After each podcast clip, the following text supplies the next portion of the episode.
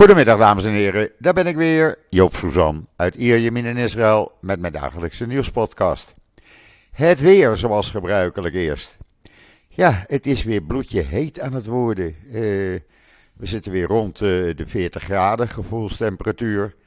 Uh, S'nachts niet kouder dan 26, 27 graden. en het wordt weer warmer de komende dagen, dus we kunnen de airco weer laten loeien. Ja, en dan het nieuws. Nou, de Shin en IDF hebben afgelopen avond, maandagavond dus, uh, tien terreurverdachten in Judea en Samaria gearresteerd. Eh, er staat een videootje in uh, israelnieuws.nl, kan je zelf even meegenieten. brandweerlieden uit Jeruzalem hebben negen puppies uit een vuurzee gered. Dat, uh, ja, kolla wat zeg ik dan. Dat is altijd mooi als, ze dat, uh, als dat lukt. Het waren hele kleine puppies nog. En uh, die waren omringd door vuur. En ja, alleen een aantal brandweerlieden durfden het aan en hebben het ook gedaan. En kregen daarvoor een oorkonde. Kan je lezen in israelnieuws.nl. En dan stress. Ook dat staat in israelnieuws.nl. Het verbetert de hoeveelheid en kwaliteit antilichamen, maar het schaadt je immunologisch geheugen. Dat zeggen onderzoekers van de Universiteit van Tel Aviv. Ben je erin geïnteresseerd? Het staat uitgebreid, uh, het persbericht met de beschrijving in israelnieuws.nl. Ja, en dan meneer Nasrallah in het noorden van Israël in Libanon. Hij denkt dat hij immuun is voor uh, de IDF. Maar uh, de IDF heeft andere plannen met hem. Daar staat een uitgebreid artikel van een van de bekendste columnisten in Israël, Ron Ben Yeshai. En uh, die zegt hij kan maar beter uitkijken met provoceren. Want voordat je het weet, heeft de IDF hem te pakken. Of met een kogel geraakt. Want het loopt nu zo langzamerhand uh, een beetje de spuigaten uit. Wat hij daar allemaal flikt in het noorden.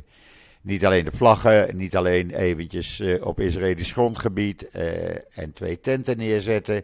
29 meter in Israël. maar ja, ze gaan nu ook zogenaamd parlementsleden rondleiden. En nou ja, je kan het uitgebreid lezen in de Engelstalige Ynet. Waar je ook kan lezen, en dat is op dit moment het belangrijkste nieuws in Israël, geloof mij. Netanyahu die geeft een eh, PR-campagne, eh, doet hij in Amerika. Dus hij komt op ieder Amerikaans uh, netwerk. NBC, CNN, Meet the Press. Nou ja, je kan het zo gek niet noemen. Of Netanyahu verschijnt daar s'avonds op de Amerikaanse televisie. Terwijl hij hier in Israël geen enkel interview uh, geeft aan journalisten. Hij weigert dat gewoon. Het uh, is alleen maar voor de Amerikaanse markt. Maar hij uh, weigert te zeggen of hij een uitspraak van het Hoge Rechtshof op 12 september. Even een slokje water. Of hij die zal eerbiedigen. Uh, hij doet uitlatingen in de trant van het Hoge Rechtshof kan maar beter doen wat ik uh, vind dat er moet worden gedaan. Het Hoge Rechtshof moet zich aan de wet houden en dat soort uitspraken. En ja, dat werkt natuurlijk niet mee aan vertrouwen. Uh, daarnaast blijft hij volhouden dat hij uitgenodigd is in het Witte Huis, waar het Witte Huis dat ontkent. Die zegt we zijn nog bezig met een ontmoeting te plannen dat kan ook in New York zijn bij de Verenigde Naties in september. Maar goed, we gaan het meemaken. Het belangrijkste is hier dat hij zich niet wil conformeren aan een eventuele negatieve uitspraak van het Hoge Rechtshof. En wat bijzonder is, is dat voor het eerst in de geschiedenis het Hoge Rechtshof met alle 15 rechters bij elkaar komt. Dat is nog nooit gebeurd. 11, 12, ja, heel enkel keertje. Maar alle 15 rechters van het Hoge Rechtshof op 12 september in die zitting, nee, dat is nog nooit gebeurd. En dat zal dus voor het eerst in de geschiedenis zijn van de staat Israël dat dat gebeurt. Heel bijzonder. En dat wordt ook als groot nieuws gezien. Het toont ook aan hoe belangrijk het Hoge Rechtshof deze kwestie vindt. En dat gaat natuurlijk over die wet die verleden week is aangenomen. Waardoor ministers en ministeries gewoon wetten kunnen afkondigen zonder dat dat gecontroleerd wordt door een of andere instantie, in dit geval het Hoge Rechtshof. Er zijn acht verzoekschriften ingediend bij het Hoge Rechtshof. Die zijn ook aanvaard door het Hoge Rechtshof. En ja, daar gaan ze dus met alle 15 rechters van de Hoge Rechtshof bepalen of dit kan. Nou, dan komen er al allerlei uitlatingen van Likud-leden in de Knesset. Uh, Tali Gottlieb bijvoorbeeld, die past echt goed bij uh, Netanyahu, want die zegt: het Hoge Rechtshof kan uitspreken wat ze willen, wij gaan ons er niet aan houden. Punt. Zij hebben daar niet over te oordelen. Ja, sorry, maar het Hoge Rechtshof is wel het allerhoogste rechtsorgaan in Israël. En je moet je gewoon aan die uitspraak houden. Maar ja, als de uh, minister-president al laat blijken dat hij niet van plan is zich daar echt aan te houden, ja, dan vraag ik me af, uh, waar zijn ze mee bezig en wat voor regering hebben we? We hebben dus een minister-president die in straf, drie strafzaken zit op dit moment. Die weigert zich te conformeren aan uitspraken van het Hoge Rechtshof. Dan hebben we een minister van Politie 53 keer gearresteerd die uh, tegen het advies van alle instanties in een voormalig spion, veroordeelde spion, toch een wapenvergunning gaat geven. Dan hebben we een partijleider die vindt dat zijn vriendje burgemeester van Tiberias moet worden. Ja, sorry, we zijn toch geen maffiabende hier. Ik dacht dat er sprake was van een democratie, maar op deze manier is democratie ver te zoeken. En dan kan ik me ook indenken wat uh, Lapid gisteren zei. Op de vraag, een coalitie met de Likud, zegt hij niet zolang Netanyahu aan de macht is, uh, liever dood dan fatsoen. want ja, ik ben een fatsoenlijk mens.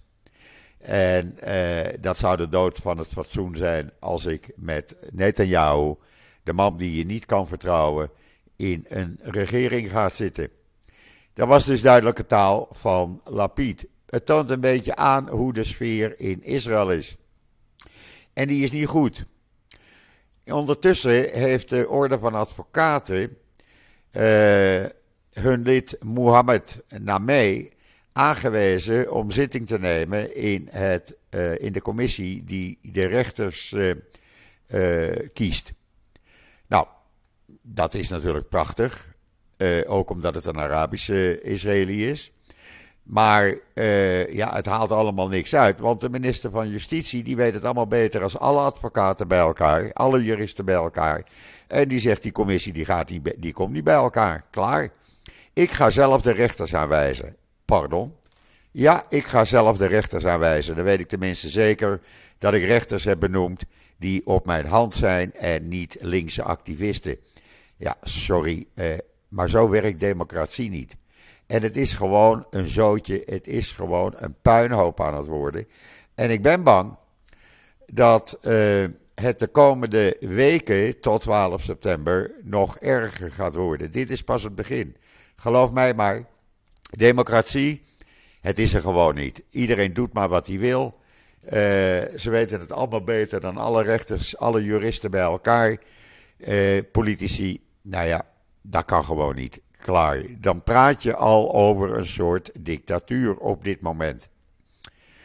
Maar goed, uh, ondertussen wordt er vandaag het hoofd van de speciale politie-eenheid in Tel Aviv, de Yassam-eenheid, en vier andere officieren die worden vandaag verhoord uh, door een commissie van de politie.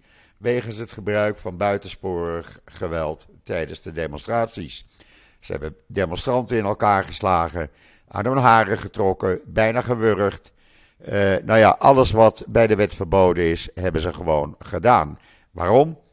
omdat meneer Benguier, hun baas, dat opdroeg. Want die zegt: gebruik maar geweld.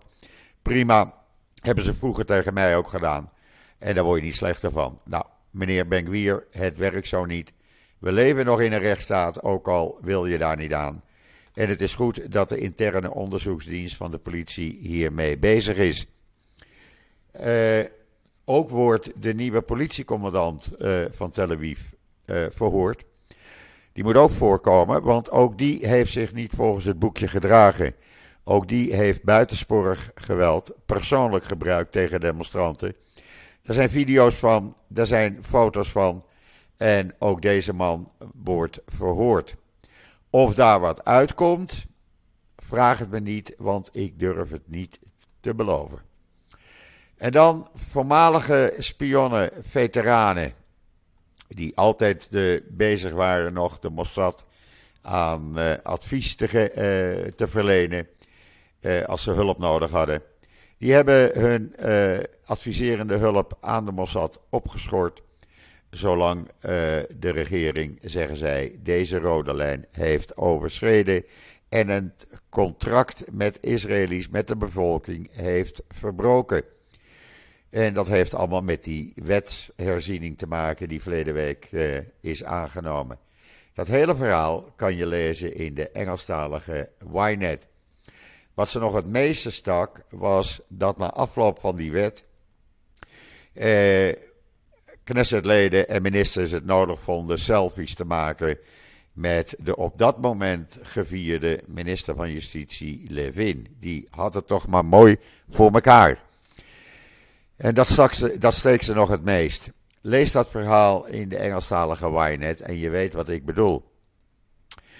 En dan, het valt mij op, sinds de, uh, deze regering uh, aan de macht is, gebeuren allerlei dingen die ja, vroeger ook wel voorkwamen, maar niet zo vaak. Nu is er weer een grafsteen met een uh, foto van een overleden vrouw op een begraafplaats in Jeruzalem geschonden. Familieleden die uh, het graf wilden bezoeken zagen tot een afschuw dat het uh, de foto van hun moeder met zwarte verf was bespoten. Ja, dat kan gewoon niet. Een beetje eerbiedigen. Ook was er weer een buschauffeur. Een meisje van 14 ging naar de sportschool. Was een beetje sportief gekleed. Mocht niet de bus in, want dat vond hij maar afschuwelijk. Je hoort je netjes te, gekleden, te kleden. Nou, sorry, meneer de buschauffeur. Dat bepaalt het meisje zelf wel. Zij hoeft zich niet naar jouw uh, regels uh, te kleden. Als jij je uh, helemaal van top tot teen wil bekleden, en je vrouw en kinderen ook, dan moet jij dat weten. Maar kan je geen wildvreemde opdragen dat ook te doen. En anders de bus weigeren. Maar ja, zo gaat het op dit moment in Israël een beetje. Het is echt, ja, ik weet het niet of het nou met deze regering te maken heeft. De sfeer is anders, laat ik het zo zeggen. En iedereen die zegt, Joop, je lult uit je nekharen, het zij zo. Ik spreek met mensen, ik loop op straat, ik merk het. Je, je voelt het gewoon, het is anders. Nu moet ik wel zeggen, vanavond wordt het voor Joop even genieten. En waarom? Nou, er is een, uh, uh, achter het winkelcentrum is een soort amfieveld. En daar hebben ze stoelen neergezet en dan gaan ze kaartjes verkopen, de gemeente. En dan treedt Avram Friet op, de beroemde zanger. De uh, ja, religieuze zanger, laat ik het zo maar zeggen. Hij is een van mijn favorieten al jaren. Ik heb hem ooit in de rij tijdens een uh, groot Joods feest jaren terug mogen aankondigen. Sprak ik voor een zaal met duizenden mensen. En vanavond gaat hij dus achter het winkelcentrum optreden. Nou, dan zou je zeggen van Joop, ja, dat zie jij toch niet? Nee, maar ik hoef het ook niet te zien als ik het maar kan uh, beluisteren. En dat kan, want geluid in Israël staat nooit op zijn uh, zachtst, laat ik het zo zeggen. Morgenavond is er weer een uh, concert van een of andere popzanger. Ach, dat zijn de zomerconcerten die de gemeente doet. En dat is best leuk. Ze doen dat trouwens in iedere wijk. Niet alleen in Ierjamin. Uh, ze doen het ook in Noord-Natanja, uh, in het centrum, in het oosten, langs de kust. Dat is elke zomer zo en ik vind dat wel gezellig. eventjes weg uit de beslommeringen. En dan de minister van uh, Defensie, Galant, heeft gisteren in de commissievergadering van de Knesset gezegd dat de gerechtelijke herzieningsveranderingen de nationale veiligheid zullen gaan schaden. Hij is daar zeer verontrust over, heeft zijn bezorgdheid uitgesproken en gezegd van uh, we moeten daar wat aan gaan doen, want dit wordt een schade van uh, ja, een nationale schade die kan leiden tot schade aan de nationale veiligheid. En daarbij bedoelt hij het feit dat tienduizenden reservisten weigeren op te komen voor reservedienst. Dat valt op dit moment misschien nog wel op te vangen. Maar ja, er zal een tijd komen als de spanningen toelopen en er meer reservisten nodig zijn. Dan hebben we dus een probleem. En je kan dat maar beter nu oplossen. En dat wil Galant ook. Maar Netanyahu wil daar weer niet aan. Netanyahu, ik heb dat ook verleden week uitgelegd. Voordat de stemming plaatsvond over die beruchte wet. weigerde hij de veiligheidschefs te ontvangen. om alle narigheid die die wet zou kunnen veroorzaken aan te horen. Dat wilde hij gewoon niet weten. Ja, nu wil hij het wel weten, maar nu is die wet aangenomen. Dus dat haalt allemaal niks uit. Hij speelt gewoon een spelletje. En uh, dat spelletje is nu wel, uh, dat hebben de mensen in de gaten. En ja, hij, uh, het begint te irriteren, laat ik het zo zeggen. Je ziet het op radio, op televisie hoor je het. je leest het in de krant, het is het belangrijkste nieuws. Hij is niet te vertrouwen. En dat gaat helemaal verkeerd. En hoe verkeerd blijkt ook dat de IDF een andere methode heeft gevonden om reservisten op te roepen, eh, zodat het net lijkt alsof er geen probleem is. Ze hebben nu creatieve manieren gevonden om eh, het fenomeen van reservisten die niet komen opdraven eh, ja, minder eh, eh, belangrijk te maken. Wat doet men? Reservisten waarvan bekend is dat ze zich uh, niet, uh, dat ze niet voor reservedienst uh, komen opdraven, die worden met terugwerkende kracht niet meer opgenomen. Dan lijkt het net alsof er geen reservisten zijn die niet komen opdraven. Ze roepen dus alleen maar reservisten op waarvan bekend is, die komen zeker, die hebben zich er niet tegen uitgesproken. En dan even de Palestijnen. Want ja, daar is heel wat aan de hand. Je zal het niet op de NOS zien. Je leest het geloof ik niet in de Nederlandse media. Maar gisteravond opnieuw demonstraties in Gaza tegen het beleid van Hamas. Hamas slaat er dan uh, met stokken en uh, wat iets meer zei hardop in, arresteert inmiddels meer dan 400 mensen. Die verdwijnen gewoon. Niemand weet waar ze zitten. Maar je hoort de buitenlandse media er niet over, want Israël zit er niet achter. Dus dan houden we onze mond natuurlijk. Ondertussen wordt er in uh, uh, Libanon in zogenaamde vluchtelingenkampen gevochten tussen allerlei uh, Palestijnse groeperingen. En daar zijn inmiddels meer dan 40 mensen gewond. Daar zijn 11 doden al gevallen, waaronder een hoge generaal. En ook daar hoor je weinig over. Alleen hier in Israël. Die gevechten zijn ook al drie dagen aan de gang. Uh, in, onder andere in het zogenaamde vluchtelingenkamp Ein El Hilwe. En dat gaat tussen aanhangers van uh, uh, Abbas en aanhangers van islamitische groepen die tegen Abbas zijn. Ja, eh, ze moorden elkaar dus gewoon uit. Nou, dat scheelt dan Israël weer een heleboel werk. Ze zijn lekker druk met elkaar. Je kan het lezen onder andere in de Times of Israel. En dan uh, het Hadassah uh, ziekenhuis in uh, Jeruzalem heeft een wereldprimeur. Want die zeggen voor het eerst ter wereld heeft een medisch team van het Hadassah ziekenhuis de verdraaide ijzerstokken van een foetus uh, gered. Door haar via een keizersnede ter wereld te brengen en binnen een half uur na de geboorte te opereren. Dat is voor het eerst ter wereld gebeurd. En ze hebben het toch mooi voor elkaar gekregen. het was bekend vanaf de 35e week van de zwangerschap dat daar een probleem zat.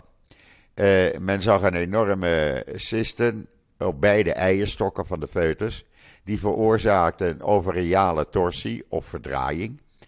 Uh, en dat is een ernstige aandoening. En als die niet onmiddellijk wordt behandeld, dan sterven die organen meteen af. Dus dat hebben ze nu uh, weten te redden.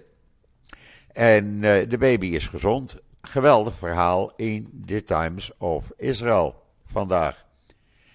En dan Golda Meir.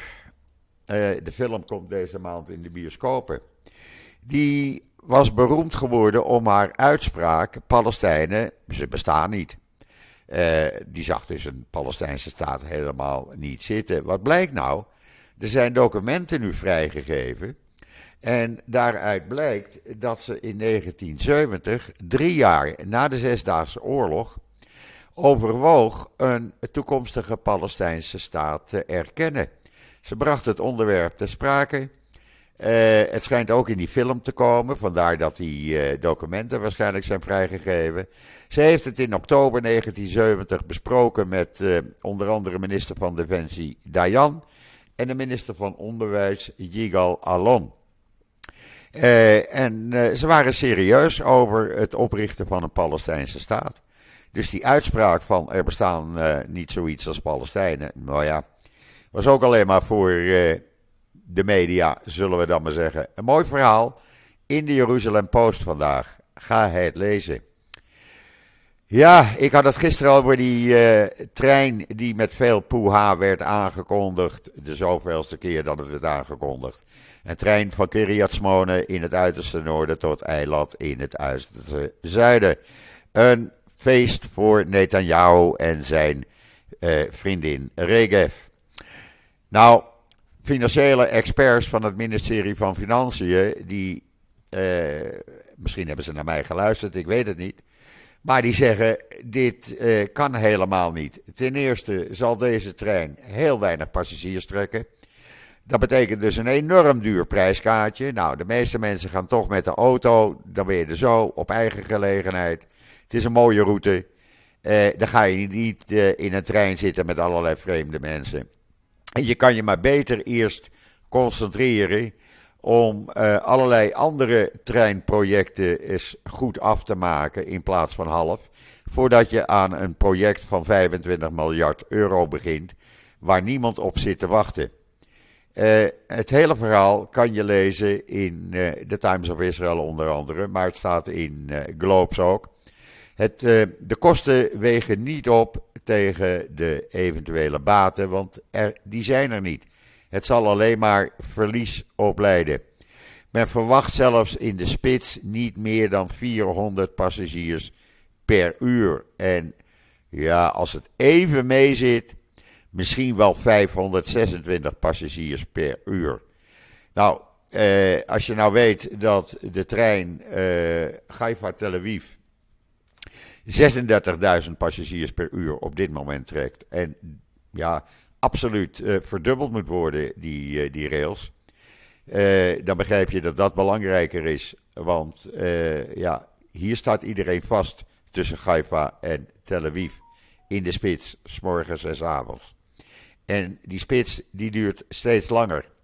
Was het eerst nog tot een uur of negen, half tien. Nu is het al tot half elf. En hij begint smiddags al om half drie, drie uur en duurt tot acht uur. En dan eh, na de uitspraak in een panel op het fanclubkanaal uh, van Netanyahu, kanaal 14. Uh, de oproep onder luid gejuich en applaus dat de moordenaar van premier Rabin moet worden vrijgelaten. Heeft uh, een van de grootste Israëlische voedbedrijven, voedselbedrijven, Strauss, gezegd: Oké, uh, prima, jullie doen dat maar. Wij gaan niet meer bij jullie adverteren. Wij stoppen met onmiddellijke ingang met adverteren voor al onze producten op kanaal 14. Omdat wij het met uh, dit soort uh, gedragingen totaal niet eens zijn. En hij blijft maar lekker in de gevangenis zitten. Nou, misschien kan net aan jou een, uh, fund, een uh, crowdfund actie beginnen. En dan al heeft de eerste van 16 vliegtuigen Boeing's 787 Dreamliner ontvangen. die op groene brandstof vliegt. Oftewel schone brandstof. Hij heet Nov Hagalil en is gisteren vanuit Seattle aangekomen in Tel Aviv. Je kan het lezen op uh, de Engelstalige Ynet. Dus El gaat eindelijk groen, laten we het zo maar zeggen. En dan was het een Israëlisch vrachtschip die als een van de eerste door die blokkade van Rusland ging om graan op te halen in uh, Oekraïne. Die trokken zich niets aan. Ze kregen wel steun van Amerikaanse marine. Maar uh, het Israëlische vrachtschip voerde een kolonne van vier schepen aan. Die door die blokkade brak. En gewoon naar Oekraïne is gevaren door de Zwarte Zee. ja, ze, goed voorbeeld. Doet goed volgen, zou ik dan maar zeggen. Ja, en dan iets heel leuks om mee af te sluiten. Er is een, uh, een man hier in Natanja, die was, uh, zat in het onroerend goed. Die kreeg COVID, die werd hartstikke ziek. Uh, die is zelfs in twee weken in coma gehouden. En die, ja, hij herstelde gelukkig weer na de COVID-ziekte. en hij dacht, weet je wat, ik ga wat anders doen. Ik ga niet meer in die handel, in die onroerend goedhandel. Ik ga een broodjeszaak beginnen hij nam een broodjeszaak over. En dan moet je reclame maken natuurlijk. Nou, daar heeft hij een jingle uh, voor laten maken. En die jingle, dat lied, uh, ik heb hem uh, op social media staan. Die is nu de hit in Israël. Je lacht je kapot. Het is een hartstikke gezellig lied. Het wordt gespeeld op bruiloften, feesten en partijen. Waar je niet al komt, overal staat dit lied aan. En het heet vertaald. Kebab, mergus, worst, shakshuka, groente en ui zijn altijd interessant. Maar neem nu een baguette met ziel. Als je die hebt gegeten, dan kom je zeker terug. En dat gaat om een broodje omelet. Een baguette met een omelet erin. En dat is zijn uh, specialiteit. Het lied heeft al miljoenen uh, kijkers getrokken op TikTok. Uh, duizenden op YouTube. Het, ja, op welk feestje tegenwoordig komt, het is dit lied. Ga het even beluisteren en dan word je weer hartstikke vrolijk. En dan denk je, die politici, ze bekijken het maar, ze gaan hun gang maar met hun uh, maffiastreken. Ik ga lekker dit lied uh, luisteren. En dan word je weer helemaal vrolijk. Doe dat maar even. Goed, dit gezegd hebbende, morgen heb ik Roland Kaan in de podcast. Ik kijk er weer naar uit. Het is alweer een paar weken geleden dat Roland in de podcast was. Had ook met vakantie te maken. Maar hij is er weer. Morgen komt hij bij Joop in de podcast. En we gaan het uitgebreid hebben over de politieke situatie hier in Israël.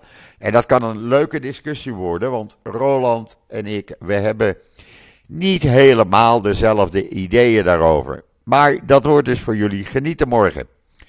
Goed, dan wens ik iedereen nog een fijne voortzetting van deze dinsdag, de allereerste augustus van 2023. Ik ben er morgen weer. En ik zeg zoals altijd: tot ziens. Tot morgen.